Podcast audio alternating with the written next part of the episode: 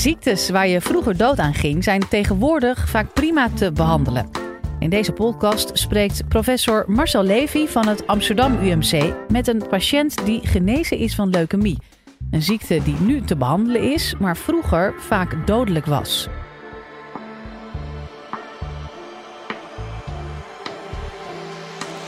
Live vanuit Club Air is dit de Universiteit van Nederland. U kent wel al die ziektes, hè, die massamoordenaars uit het verleden. De pest, tuberculose, ook wel tering genoemd, of pleuris, of cholera, krijgt de choleren. Het zijn allemaal ziektes die we kennen, waar miljoenen mensen in de geschiedenis aan overleden zijn, maar die nu eigenlijk een beetje, in ieder geval in onze westerse wereld, tot het verleden behoren. Um, maar dat heeft best heel lang geduurd. Dat heeft soms eeuwen geduurd voor bijvoorbeeld pest of tuberculose verdwenen waren. Dat gaat tegenwoordig wel heel anders. De geneeskunde maakt momenteel echt duizelingwekkende veranderingen door. En onder invloed van genetica, techniek, biotechnologie zijn nu, is er nu kennis wordt er vergaard en dat leidt dan tot nieuwe therapieën die vaak heel erg spectaculair zijn. En soms zie je dus ook mensen die op een hele eenvoudige manier behandeld kunnen worden aan ziektes waar je misschien vijf of tien jaar geleden gewoon eigenlijk niks voor had en waar mensen dan aan waren komen te overlijden. Dat gaan we nu ook een beetje zien aan het verhaal van meneer Sier. Uw ziektegeschiedenis begon in 2004, heb ik begrepen. Um, en kunt u ons misschien vertellen waar u op dat moment last van had? Ik werd al magerder en ik had pijn in mijn rug, steek constant. In de nacht had ik uh, angstzweet. U viel af in gewicht. Was dat een beetje of heel veel? 10 kilo. En tot slot zei u dat u s'nachts erg moest transpireren. Ja. Hoe erg was dat? Ja, nat. Dus dat was waar u het meeste last van had. Hoe voelde u zich verder in die tijd? Fietsen en dan moest ik weer anderhalve dag wachten dat ik weer een stukje kon fietsen. Oké, dus u fietste wel, maar u kon dat niet zo lang volhouden en dan moest u een tijdje weer bijkomen, zou ik maar zeggen. En dan ging het weer. ging en dat kende u niet van uzelf. Nee. Toen dacht u op een gegeven moment, dit is niet goed. Mijn vrienden en mijn familie zeiden, ga naar een dokter. En wat moest u doen, of wat zei de dokter dat het was? Vermoedelijk CML. En toen zei u natuurlijk, oké, wat is CML? En wat zei de dokter toen? Ja, bloedkanker. Er werd hem verteld, uh, u heeft leukemie, of eigenlijk noemde hij eerst het woord bloedkanker. En dat is in feite wat leukemie is. Leukemie is uh, Grieks voor wit bloed. Het is dan ook een ziekte van de witte bloedlichaampjes. De witte bloedlichaampjes zijn belangrijk bij de afweer. Die circuleren in je bloed. En wat is leukemie? Leukemie is eigenlijk een ongebreidelde woekering, een groei van witte bloedlichaampjes. Dat je er ongelooflijk veel hebt. Het zijn ook eigenlijk niet goed ontwikkelde witte bloedlichaampjes. Die verdringen ook je andere bloedcellen. En dat is inderdaad een levensbedreigende en buitengewoon gevaarlijke ziekte. Hoe komt een mens aan leukemie? Dat hebben we heel erg lang niet geweten. Maar daar is de laatste tijd toch wel iets meer duidelijkheid in gekomen. Moet je voorstellen dat die witte bloedlichaampjes, die ontwikkelen zich, die worden gemaakt in het beenmerg en die ontwikkelen zich tot volwassen witte bloedlichaampjes. Met een, bepaalde, met een aantal bepaalde fasen waar ze doorheen gaan en ook een bepaalde groeisnelheid. En al die processen die worden geregeld door ons erfelijk materiaal. Dus je hebt een gen wat gaat over de ontwikkeling van witte bloedcellen. En je hebt een ander gen en dat gaat over de groeisnelheid van witte bloedlichaampjes. En dat zorgt ervoor dat zoals wij hier zitten, allemaal een normale hoeveelheid witte bloedlichaampjes hebben die zich normaal ontwikkelen. Om u een idee te geven, die witte bloedlichaampjes die leven helemaal niet lang. Een paar uur. En je hebt er een paar miljard. Dus je kan je voorstellen dat je eigenlijk voortdurend witte bloedlichaampjes aan het aanmaken bent. En dat het dus eigenlijk een heel strak geregeld systeem moet zijn. De laatste jaren hebben we eigenlijk best wel heel goed geleerd hoe dat in zijn werk gaat.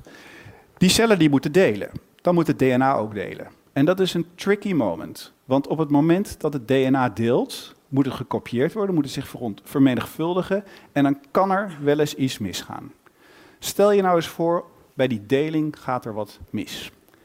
Dan krijg je dus een nieuw eiwit. Een nieuwe code, een nieuw eiwit. En dat is een verkeerd eiwit. Dat is een eiwit die leidt tot een verkeerde ontwikkeling van witte bloedcellen en een veel te hoge verdubbelingssnelheid van de witte bloedcellen. En in feite is dat wat er gebeurt bij leukemie.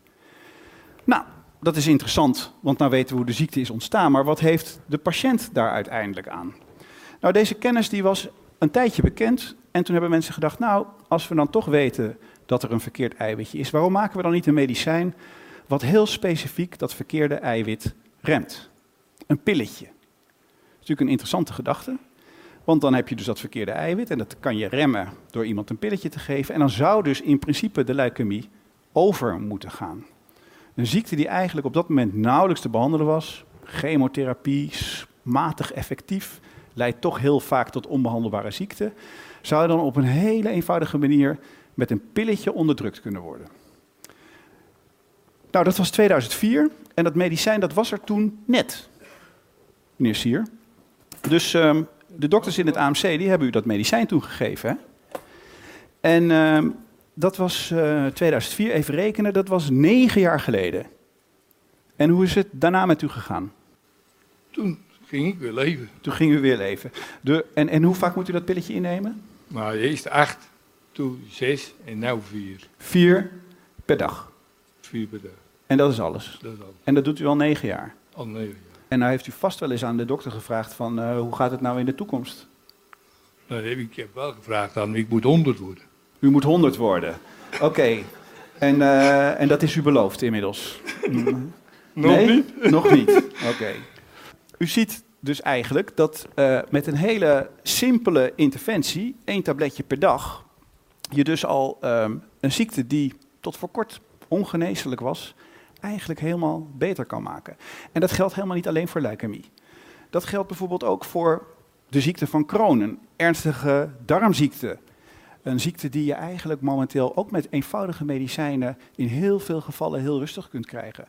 Of voor reuma, een ziekte waar mensen vroeger toch eigenlijk altijd uiteindelijk in een rolstoel van terechtkwamen. Ziet u ooit nog een reuma-patiënt met een rolstoel? Nee, dat bestaat niet meer. Door een paar simpele infusen in de tijd gegeven kan je reuma eigenlijk helemaal de kop indrukken. Maagzweren kan je met tabletjes behandelen. Voor heel veel ziekten is inzicht ontstaan hoe het werkt door kennis van de genetica, van chromosomen, van het DNA of gewoon van de cellen, hoe ze werken, of door andere technische uh, vorderingen. En dat leidt dan inderdaad tot betere therapie, die soms dramatische gevolgen kunnen hebben. En mensen komen dus niet meer te overlijden aan ziekten waar ze vijf of tien jaar geleden nog heel snel eigenlijk aan kwamen te overlijden, omdat er geen goede behandeling voor was. Nou, meneer Sier is daar een heel erg goed uh, voorbeeld van. Ik kan niet helemaal beloven dat u 100 wordt, maar de kans is wel heel erg groot dat u in ieder geval van deze ziekte, dat deze ziekte in ieder geval niet zal uh, um, uh, veroorzaken dat u uh, um, voortijdig toch komt te overlijden. Of dat, ja, of dat leidt tot een, tot een 100-jarige leeftijd, dat weet ik niet helemaal, maar laten we het op 99 houden.